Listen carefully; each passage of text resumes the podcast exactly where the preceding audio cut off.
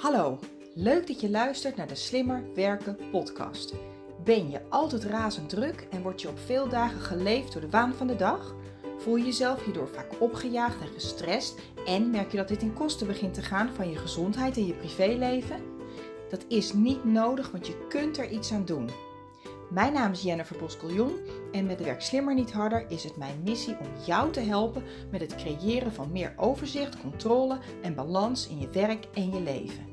In deze podcast deel ik slimme tips en inspiratie met jou, zodat ook jij kunt werken en leven met minder stress en meer plezier. En je uiteindelijk meer tijd en energie hebt voor dat waar je echt blij en gelukkig van wordt. Luister je mee? Ik heb er zin in. Hallo lieve luisteraar, welkom bij een nieuwe aflevering van de Slimmer Werken podcast. Uh, leuk dat je weer luistert, dankjewel. Um, het kan zijn dat je bij het luisteren van de vorige aflevering, als je een van de eerste was tenminste, uh, misschien wel je wenkbrauwen hebt gefronst en gedacht van, god, dat is gek. Uh, ze dankt me al uh, voor het luisteren terwijl ik nog niet eens begonnen ben. Nou, bij deze. Uh, ik ben er inmiddels achter gekomen dat ik de outro als intro ervoor had gezet. Ja, dat krijg je. Haastige spoed is zelden goed. Dus ik heb het inmiddels aangepast. Um, waar wil ik het over hebben? Ik wil het vandaag hebben met je over het vergroten van jouw invloed.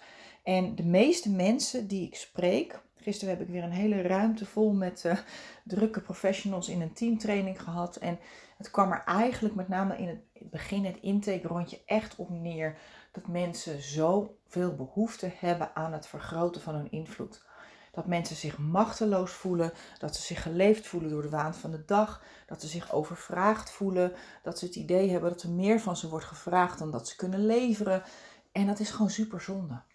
Want uiteindelijk, uh, ik zeg ook altijd, dat heb ik gisteren ook natuurlijk weer uitgebreid verteld. En daar was misschien het management niet altijd even blij mee. Maar het idee is wel, als jij niet verandert, verandert er niets. En als je blijft doen wat je altijd deed, dan krijg je, de, wat ontzettende dooddoener, maar dan krijg je wat je altijd kreeg. Dus jij zou moeten veranderen om je situatie te veranderen.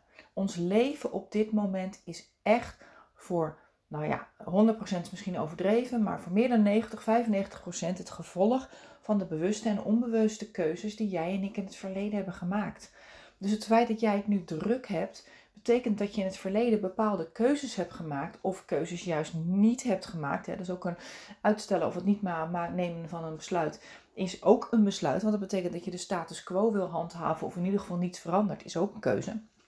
Maar in principe is de situatie zoals jij die op dit moment ervaart het gevolg van uh, uh, dingen die je zelf hebt gedaan of hebt gelaten.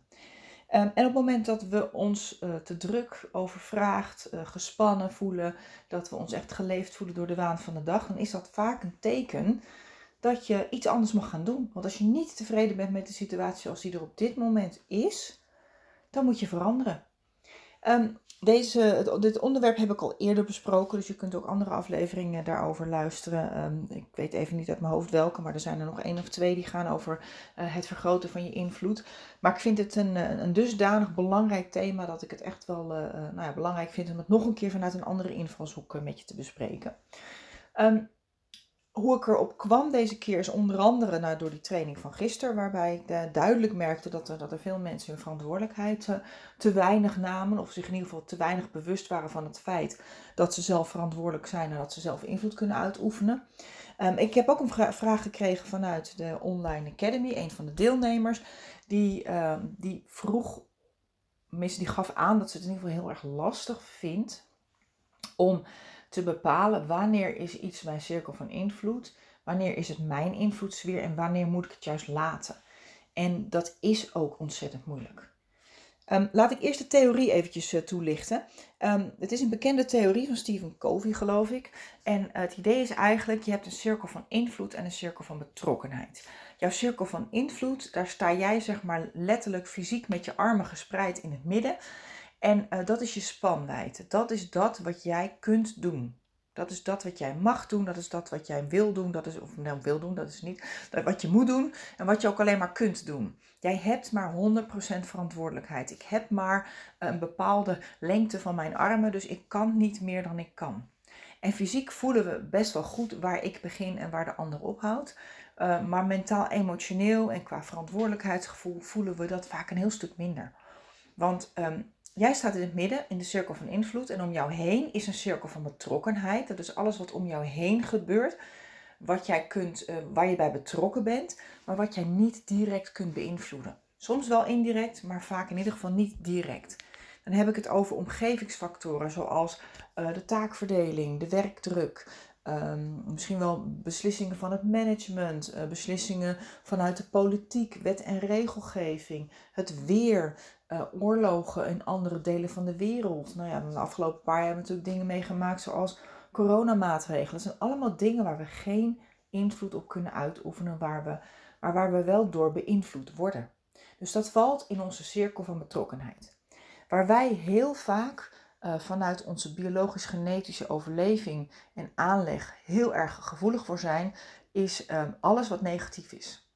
En heel veel van die dingen die vallen in onze cirkel van betrokkenheid, dus waar we bij betrokken zijn, maar wat we niet direct kunnen beïnvloeden, dat zijn heel vaak negatieve dingen. Dat zijn vaak uh, mensen die hun werk niet doen, kinderen die hun kamer niet opruimen, uh, regenen net, een regenbui net op het moment dat je de deur uit moet. Uh, nou, gisteravond had ik bijvoorbeeld een fiets. ik, ik, was, oh, ik ging wat drinken met een vriendin en toen ik zo'n beetje daar in de buurt was, toen had ik een, een lekke band. Ja, het was mijn eigen schuld hoor, want ik wist al maanden dat die band niet helemaal goed meer was. Alleen ik had mijn cirkel van invloed, ik had mijn verantwoordelijkheid en mijn invloed niet gepakt ik heb zo lang gewacht totdat het eigenlijk binnen mijn cirkel van betrokkenheid viel. En dat ik wel moest accepteren dat ik moest lopen. Dus gisteravond laat moest ik uh, met de fiets aan de hand naar huis. En ik mag straks, uh, als ik deze aflevering heb opgenomen, heb ik me voorgenomen om even naar de fietsenmaker te lopen met de band. Want er moet geloof ik ook een hele nieuwe buitenband en binnenband in. Maar ja, ik weet wel hoe dat komt. Het is mijn eigen schuld. Ik heb zelf nagelaten om iets te doen. Ik heb zelf nagelaten om mijn cirkel van invloed optimaal te gebruiken. Um, dus wat, wat, kun jij doen? Wat kun jij doen? Want dat is natuurlijk het thema van deze aflevering. Wat kun jij doen om jouw cirkel van invloed te vergroten? Um, allereerst door je überhaupt te realiseren dat je invloed ergens begint en ergens ophoudt. Wij denken heel vaak dat onze arm, dat onze invloedssfeer, dat onze spanwijdte vele malen groter is dan die is. Maar jij hebt maar acht uur in een werkdag, ik noem maar wat, hè, of 40 uur in een werkweek, of um, je hebt maar 24 uur in een gewone dag. En uiteindelijk is het aller, allerbelangrijkste dat jij doet wat belangrijk is voor jou. En op het moment dat je merkt dat je een, een, een ervaring hebt van tijdtekort, dat je het gevoel hebt dat je te weinig controle hebt over je situatie, dan is het heel belangrijk om te kijken hoe jij die controle weer kunt terugpakken. Dus dat is het allereerste wat je moet of slash mag doen. Is eerst überhaupt accepteren dat jij niet meer, en ook niet minder, maar niet meer dan 100% verantwoordelijkheid hebt. Dat jij niet meer dan 8 uur in een dag hebt, niet meer dan 24 uur in een dag. En dat uh, dat is, het is waar je het mee moet doen. En dat je accepteert dat een ander dat ook heeft. Een ander is ook 100% verantwoordelijk voor zijn werk, voor zijn of haar leven, um, voor, hun, de, voor, voor zijn of haar eigen taak-functie inhoudt. En wij hebben echt er een handje van, en ik zeg we, want 9 van de 10 mensen die ik spreek, die herkennen dat, om onze verantwoordelijkheid veel te groot te maken. Wat gaan we doen? We gaan mensen helpen. We gaan mensen uit de wind houden. We gaan dingen oplossen voor mensen terwijl ze er soms niet eens om gevraagd hebben. Uh, elke vraag, elk verzoek van iedereen die aan ons bureau staat, of elke mail of telefoon, uh, antwoorden we uh, dat we het doen, zonder ook eigenlijk maar na te denken. Gewoon doen. Iemand vraagt iets, kun je het doen? Ja hoor, ik doe dat. Maar je hebt een keus. Je hebt überhaupt, je hebt een bewuste keus te maken. Want op het moment dat jij de keus maakt om die ander te helpen, dan ten eerste maak je ze lui en gemakzuchtig, hè, zo zijn mensen. En ten tweede gaat dat af van wat belangrijk is voor jou. Want jij kunt elke minuut nog maar één keer besteden. Je hebt nog maar één keer, uh, nog maar 100, 8 uur in de werkdag en maar 100% verantwoordelijkheid. Dus het is ontzettend zonde als je je tijd en energie weglekt aan dingen die voor jou niet belangrijk zijn. En dat betekent niet dat je egoïstisch hoeft te zijn. Want wij hebben tenminste de velen van ons, misschien herken je dat ook wel, hebben echt wel het idee dat we heel vaak egoïstisch zijn als we nee zeggen of als we uh, anderen niet gelijk helpen. Maar het is soms voor het collectief beter, voor de ander ook. Hè, want de ander die, die, die, die mag leren 100% verantwoordelijkheid te nemen, want hij of zij leert daarvan. En als jij en ik, als wij het blijven oplossen voor ze, dan blijven ze um, dat vragen aan je. Sterker nog, mijn ervaring is dat mensen of heel um, afwachtend en passief worden. Dus eigenlijk creëer je domme, afwachtende, passieve mensen mee. Gemakzuchtige mensen. En daarbij wordt, wordt een ketting is wat zo sterk als de zwakste schakel. Dus je maakt van anderen ook een zwakke schakel, want ze leren het niet. En mensen, eigenlijk hebben mensen er recht op, elk mens heeft er recht om op zijn of haar eigen lessen te leren, om zijn of haar eigen verantwoordelijkheid te nemen. En de meeste mensen vinden het ook veel fijner als ze het zelf kunnen oplossen. En um, het feit dat mensen soms bij jou komen met vragen, betekent ook niet altijd dat het gelijk het idee is dat jij het overneemt van ze. Heel veel mensen vinden het gewoon ook fijn, alles maar om even met je te sparren. Of even de, de, met, je na te denken over oplossingen. Of uh, misschien zelfs even een bevestiging te krijgen van ja, dat het idee wat ze al hadden of de oplossing dat dat al goed is. Of ze vinden het misschien een beetje spannend en ze weten niet hoe ze moeten beginnen. Um, dus uiteindelijk help je niet iedereen ermee door ongevraagd of soms zelfs gevraagd. Hè? Want wat de klant vraagt, wat de collega vraagt, is niet altijd wat de collega nodig heeft of wat het collectief nodig heeft. Dus het allerbelangrijkste is dat je in eerste instantie je realiseert, dat je accepteert um, dat jij 100% verantwoordelijkheid hebt en dat de ander ook voor 100% verantwoordelijk is voor zijn of haar werk en leven en taakfunctie inhoudt. Dat is het eerste. Uh, wat ook is, iets is wat je kunt doen, is in ieder geval voor jezelf helder hebben. Uh, en dat is voor ook, ook in, in combinatie met samenwerken met collega's en binnen een team heel fijn om te weten wie waar verantwoordelijk voor is. Dus zorg voor een goede, heldere taak, functieverantwoordelijkheid. Want als jij namelijk niet weet waar je van bent, of als je niet weet waar de collega van is, als het niet helder is waar jouw verantwoordelijkheid begint en waar die ophoudt, omdat je bijvoorbeeld geen heldere taakbeschrijving of functiebeschrijving hebt. En natuurlijk, als je hem wel hebt, betekent niet dat je er nooit van af mag wijken, maar het is wel een handvat, het is een hulpmiddel. Want je kunt pas nee zeggen tegen een vraag of verzoek van iemand anders, als je überhaupt het idee of het gevoel hebt dat je nee mag zeggen. En eerst moet je zelf um, jezelf toestemming geven. En vaak geven we onszelf pas toestemming op het moment dat we weten waar we van zijn. Op het moment dat we weten um, waar onze taak, verantwoordelijkheid het grootste is. Of, of, of ja, waar, waar, ja, waar wij van zijn en waar de collega van is. En dan kun je die andere er ook hè, aanspreken op zijn of haar 100% verantwoordelijkheid.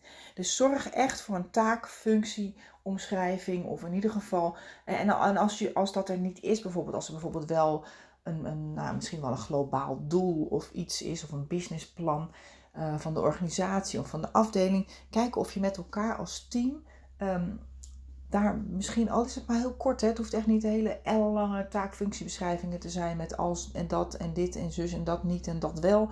Maar wel gewoon, al kun je maar vijf, zes of zeven uitgangspunten met elkaar bespreken. Van oké, hier zijn we van, dit is mijn project, hier ben ik verantwoordelijk voor en daar ben jij verantwoordelijk voor. En dan kun je mensen ook makkelijker erop aanspreken als ze dat niet doen. En dan kun je ook makkelijker uh, je eigen grenzen bepalen. Dus de grenzen van je verantwoordelijkheid bepalen. Um, dat is er één. Verder, wat ook nog wel handig is, natuurlijk om op het moment dat mensen bij je komen, um, is het makkelijker om nee te zeggen. Als jij weet waar jij persoonlijk ja tegen zegt. Nou ja, die taakfunctiebeschrijving kan daarbij helpen. Maar een eigen planning of je eigen prioriteiten helder hebben kan daar ook heel goed bij helpen. Als ik bijvoorbeeld een planning maak voor mezelf, dan weet ik van dit is, dit is hetgeen waar ik vandaag ja tegen zeg. Komt er iets nieuws binnen, dan kan ik dat in ieder geval afmeten tegenover dat wat ik met mezelf heb afgesproken of wat ik misschien met mijn klant heb afgesproken. Want het werk wat ik in mijn eigen agenda plan of wat ik op mijn takenlijst zet, dat zijn natuurlijk indirect dingen die ik niet alleen met mezelf heb afgesproken, maar ook indirect met mijn klant heb afgesproken. Um, dus dan, ik, ik merk dat het voor mij makkelijker is om nee of ja, maar niet nu tegen anderen te zeggen. Op het moment dat ik voor mezelf een eigen planning heb en dat ik mijn, uh, ja, mijn prioriteiten voor de dag of voor de week of voor de periode helder heb. En um, dat, uh, ja, dat, dat, kan, dat kan echt heel veel, veel, uh, ja, het kan echt heel veel helderheid geven. Ehm, wat misschien ook wel uh, belangrijk is, als je dan je eigen planning hebt en als je dan je eigen prioriteiten helder hebt en als je taak-functieverantwoordelijkheid met je collega's helder is, um, zorg dat je ook de verwachtingen kunt managen. En uh, je kunt ook pas de verwachtingen van anderen managen op het moment dat uh, je die voor jezelf helder hebt. Dus ook daar komt weer uh, je planning en je overzicht om de hoek. Daarom ben ik ook een ontzettende fan van het plannen van eigen werkzaamheden. Uh, gisteren in die training um, was er heel veel weerstand tegen plannen. Ja, maar zo werkt het niet voor mij. En ja, zo kan ik toch niet flexibel zijn. En dan is mijn vraag echt van oké, maar je, je klaagt nu tussen haakjes dat je geleefd wordt door de waan van de dag. Er is echt een hele handige tool om de regie terug te pakken over je werk, over je werkdag. En dat is in ieder geval zorgen dat je jezelf georganiseerd hebt, dat je overzicht hebt over wat je allemaal wilt doen. En er is eigenlijk maar één goede manier om dat voor jezelf echt te kunnen doen. En dat is een planning maken. Je kunt maar één ding tegelijk doen. Je kunt elke minuut maar één, ja, maar één keer besteden aan iets. Ik ben nu deze podcast aan het opnemen en er zijn ontelbaar veel dingen die ik niet heb kunnen doen vandaag. Omdat ik dit aan het doen ben. Onder andere, ik heb ook nog andere dingen gedaan, maar dit, hier committeer ik mij nu aan. Dus um, het maakt me um, niet minder flexibel. Sterker nog, het maakt me misschien zelfs flexibeler. Want op het moment dat er een nieuwe vraag of verzoek van iemand anders komt, dan kan ik die ook echt op waarde schatten. En um, wij, wij hebben heel vaak, of tenminste veel mensen hebben daar echt een weerstand tegen, tegen het plannen. En de vraag is niet, um, wat, ja, wat werkt niet, maar de vraag is wat werkt wel. Dus als jij zoiets hebt van, ja, bedoel, eh, al mijn werkzaamheden plannen, dat heeft geen zin. Nou, prima. Kijk of al kun je maar één ding per dag plannen. Al kun je maar één uur, bij wijze van spreken, um, even je telefoon uitzetten, even je mailbox op een laag pitje en even uh, je focussen op één klus en dat afmaken. En op het moment dat er dan collega's binnenkomen met allerlei vragen, kun je daar veel makkelijker nee tegen zeggen. Dus zorg in ieder geval dat je helder hebt voor jezelf wat je prioriteiten zijn. Um, zorg dat je een planning of iets hebt, hè, zodat je in ieder geval weet waar je ja tegen zegt op zo'n dag. En um, wat ook heel erg kan helpen, is uh, even op de stopknop drukken voordat je reageert. Wij um, zijn van nature een uh, nou ja, behoorlijk reactief wezen. Jij en ik, wij reageren eigenlijk voor 95% reactief vanuit automatische paadjes. Misschien wel meer trouwens hoor, maar in ieder geval gaan we ervan uit dat het grootste gedeelte van wat we doen, denken we helemaal niet over na. We doen gewoon. En um, je kunt pas je cirkel van invloed vergroten, je kunt pas je impact vergroten en je, um, je controle vergroten op het moment dat je je bewust bent van de keuzes die je maakt. En, zo, en zo, op het moment dat je het keuzeproces wat zichtbaarder maakt of wat bewuster maakt, dan is de kans gewoon groter dat je ook op het moment dat een collega bij je aan je bureau staat met allerlei vragen of last minute verzoeken of je manager die ineens wil dat je iets doet terwijl je het niet in je planning had opgenomen of een klant die wil last minute ineens een antwoord van je, dan kun je in ieder geval uh, bewuster die keus maken van wat ja, je, kunt bewust een keuze maken. Waar zeg ik ja tegen, waar zeg ik nee tegen? En dat kun je alleen maar als je er bewust van bent. En ik merk het bij mezelf. Um, ik ben ook net zoals jij waarschijnlijk heel reactief. Ik krijg een telefoontje en hup, ik reageer gelijk. En ik probeer steeds vaker even bedenktijd te nemen. Echt even bedenktijd voordat ik reageer. Dan zeg ik, goh, wat een leuke voorstel. Ik heb er, ja, het lijkt me echt leuk om te doen. Maar kijk even in mijn agenda. Ik heb nu nog even niet zo'n zicht op mijn planning voor de komende weken. Ik kom er straks even bij op terug. Of ik kom er morgen bij op terug. Dus dat zijn allemaal van die kleine, ja, van die, van die kleine hulpmiddeltjes die je kunt inzetten om, uh, ja, om echt je invloed te vergroten. Wat je ook kunt doen om je invloed te vergroten, is, um, is zelf hulp vragen. En dat doen we maar zo weinig. De meeste mensen, inclusief mezelf, die voelen, die hebben heel sterk het gevoel dat ze falen op het moment dat ze hulp vragen. Ik vind dat zo vervelend om te doen. Of uh, toegeven dat ik een deadline niet kan halen, bijvoorbeeld. Um, ja, het, het, het, het, is eigenlijk, mijn beleving is het vragen van hulp is een ultieme uiting van kracht. Is juist het allerkrachtigste wat jij en ik soms kunnen doen. Alleen we gunnen het onszelf heel vaak niet, omdat we dan bang zijn voor gezichtsverlies, omdat we bang zijn om mensen teleur te stellen, omdat we het vervelend vinden om, nou, misschien dat we mensen wel kritiek op ons hebben, Of ehm, mensen boos worden, dat, ze, dat, we, dat we een conflict krijgen. Maar ja, aan de andere kant, op het moment dat we dat niet doen, dan krijgen we, komen we in conflict met onszelf. En het gekke is, waarom vinden we andere mensen vaak belangrijker dan onszelf? En het is misschien, in de, als je er goed over nadenkt, doe je dat misschien niet. Maar ehm, toch hebben wij heel snel de neiging, en met name in onze acties, vanuit wat je doet, kun je zien wat je echt belangrijk vindt. En in onze acties laten we dat vaak niet zien. In onze acties doen we heel snel onze plannen aanpassen voor iemand anders. Uh, om uh, uh, ja, nee denken, maar uiteindelijk ja zeggen. Of, nou ja, er zijn gewoon allerlei dingen die wij doen, onbewust of bewust. Gewoon omdat we bang zijn om conflicten aan te gaan en bang zijn om anderen teleur te stellen. En eigenlijk ook ja, dit is een soort faalangst of iets. Ik weet niet precies wat het wat. Er zit natuurlijk heel veel belemmerende overtuigingen, gedachten en patronen onder. Maar het idee is eigenlijk dat ehm, ja, jij hebt ook recht om nee te zeggen. Dus hulp vragen, nee zeggen, ja maar niet nu zeggen. Dat zijn allemaal ja, communicatiestrategieën waar jij gewoon echt uh, gebruik van mag maken. Het feit dat iemand aan je bureau staat met een vraag is niet een opdracht. Een vraag is altijd een vraag. En een vraag impliceert dat je ook een nee mag zeggen of ja, maar niet nu. En dat voelt heel gek, vooral omdat we zelf bang zijn om andere mensen teleur te stellen. En dat is met hulpvragen. Op het moment dat jij merkt dat je het niet redt, dan zul je iets anders moeten doen. Je zult, je zult een strategie moeten bedenken om uiteindelijk je workload te verminderen. Um, gisteren in de training was er ook een dame en die vertelde dat ze het gevoel had dat ze ontzettend overvraagd werd door het management. Dat er uh, steeds meer werk bij kwam. En um, dat, eh, dat ze tot nu toe alleen maar harder aan het werken was om al de gaten dicht te, lopen. En toen liet ik haar ook echt even, nou ik gaf haar de overdenking mee voor naar de training. Denk er eens even over na. Welke onwenselijke situatie hou je daarmee in stand? Want als jij dat blijft doen, dan blijft de organisatie denken: oh, we redden het wel. En dat doen ze ook heus niet expres, hè? Want een organisatie wil ook liever niet dat de mensen overwerkt zijn. Maar tegelijkertijd zullen er dus rigoureuze keuzes gemaakt moeten worden. Dat is ook iets wat, wat, wat, ja, wat jij kunt doen om jouw cirkel van invloed te vergroten. Ehm, en het controle over je werk en et cetera. Door ook kritisch te zijn. Moeten dingen echt? Want ze kunnen, het, dus ze kunnen het je wel vragen. Maar moet het echt? En van wie moet dat echt? En hoe erg is dat als jij of iemand op de, in de organisatie het niet doet? Hoeveel bloed vloeit eruit tussen haakjes? Hoeveel impact heeft het als je het niet doet? Um, ja, zijn dingen nice to know of niet to know? Of nice to do en niet te doen? Want je zult minder moeten doen van het een om meer tijd te creëren voor het andere.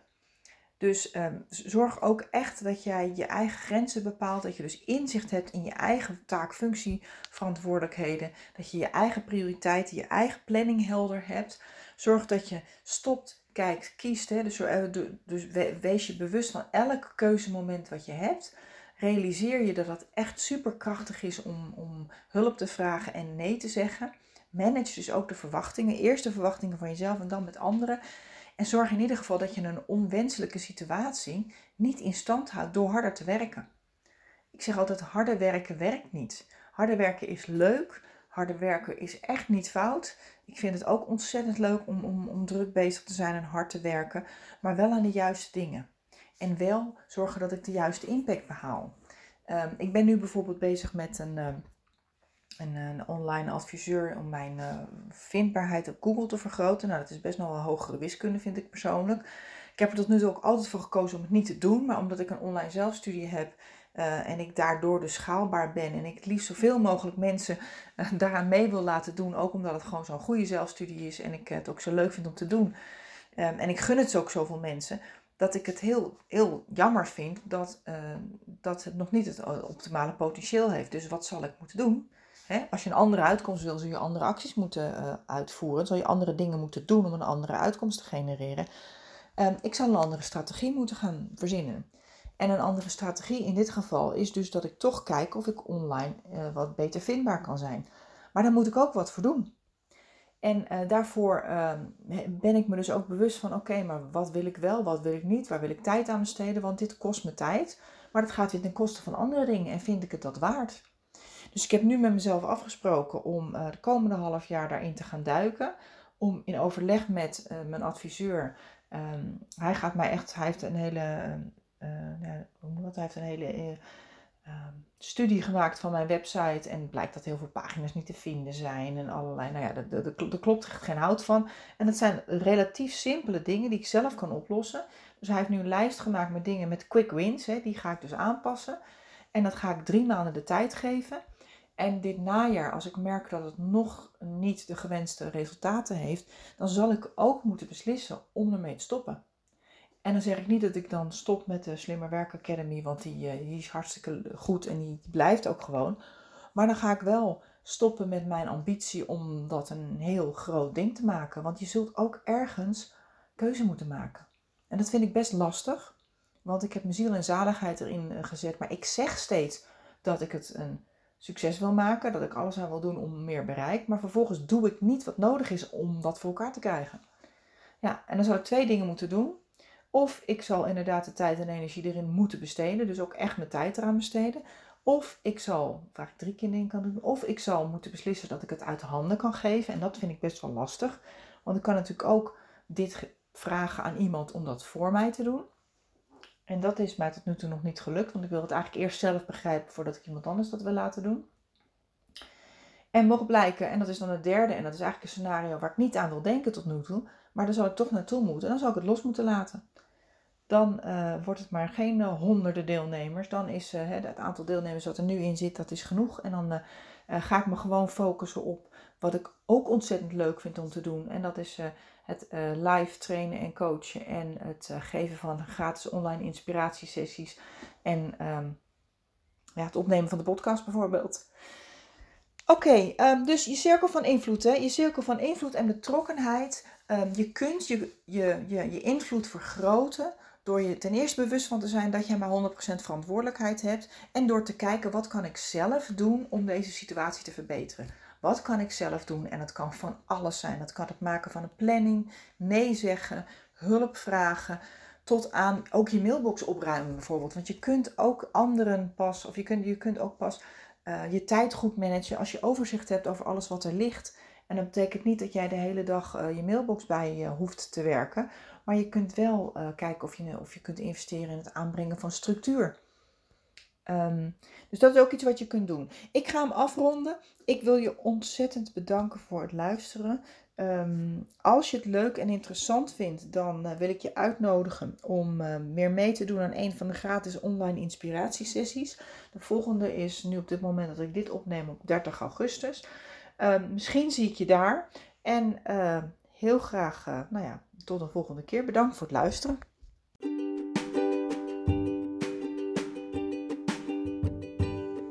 Bedankt dat je hebt geluisterd naar de Slimmer Werken podcast. Ik vertrouw erop dat je ook deze keer weer nieuwe ideeën en inspiratie hebt opgedaan. Met Werk Slimmer Niet Harder wil ik zoveel mogelijk mensen inspireren om slimmer te werken met betere resultaten en meer plezier. Ik nodig je dan ook uit om deze podcast te delen met iedereen die je dit ook gunt. Verder zou ik het heel leuk vinden om van jou te horen wat deze aflevering je heeft opgeleverd en natuurlijk wat je ermee gaat doen.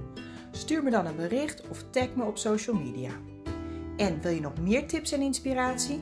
Kijk dan op wsnh.nl voor artikelen en downloads.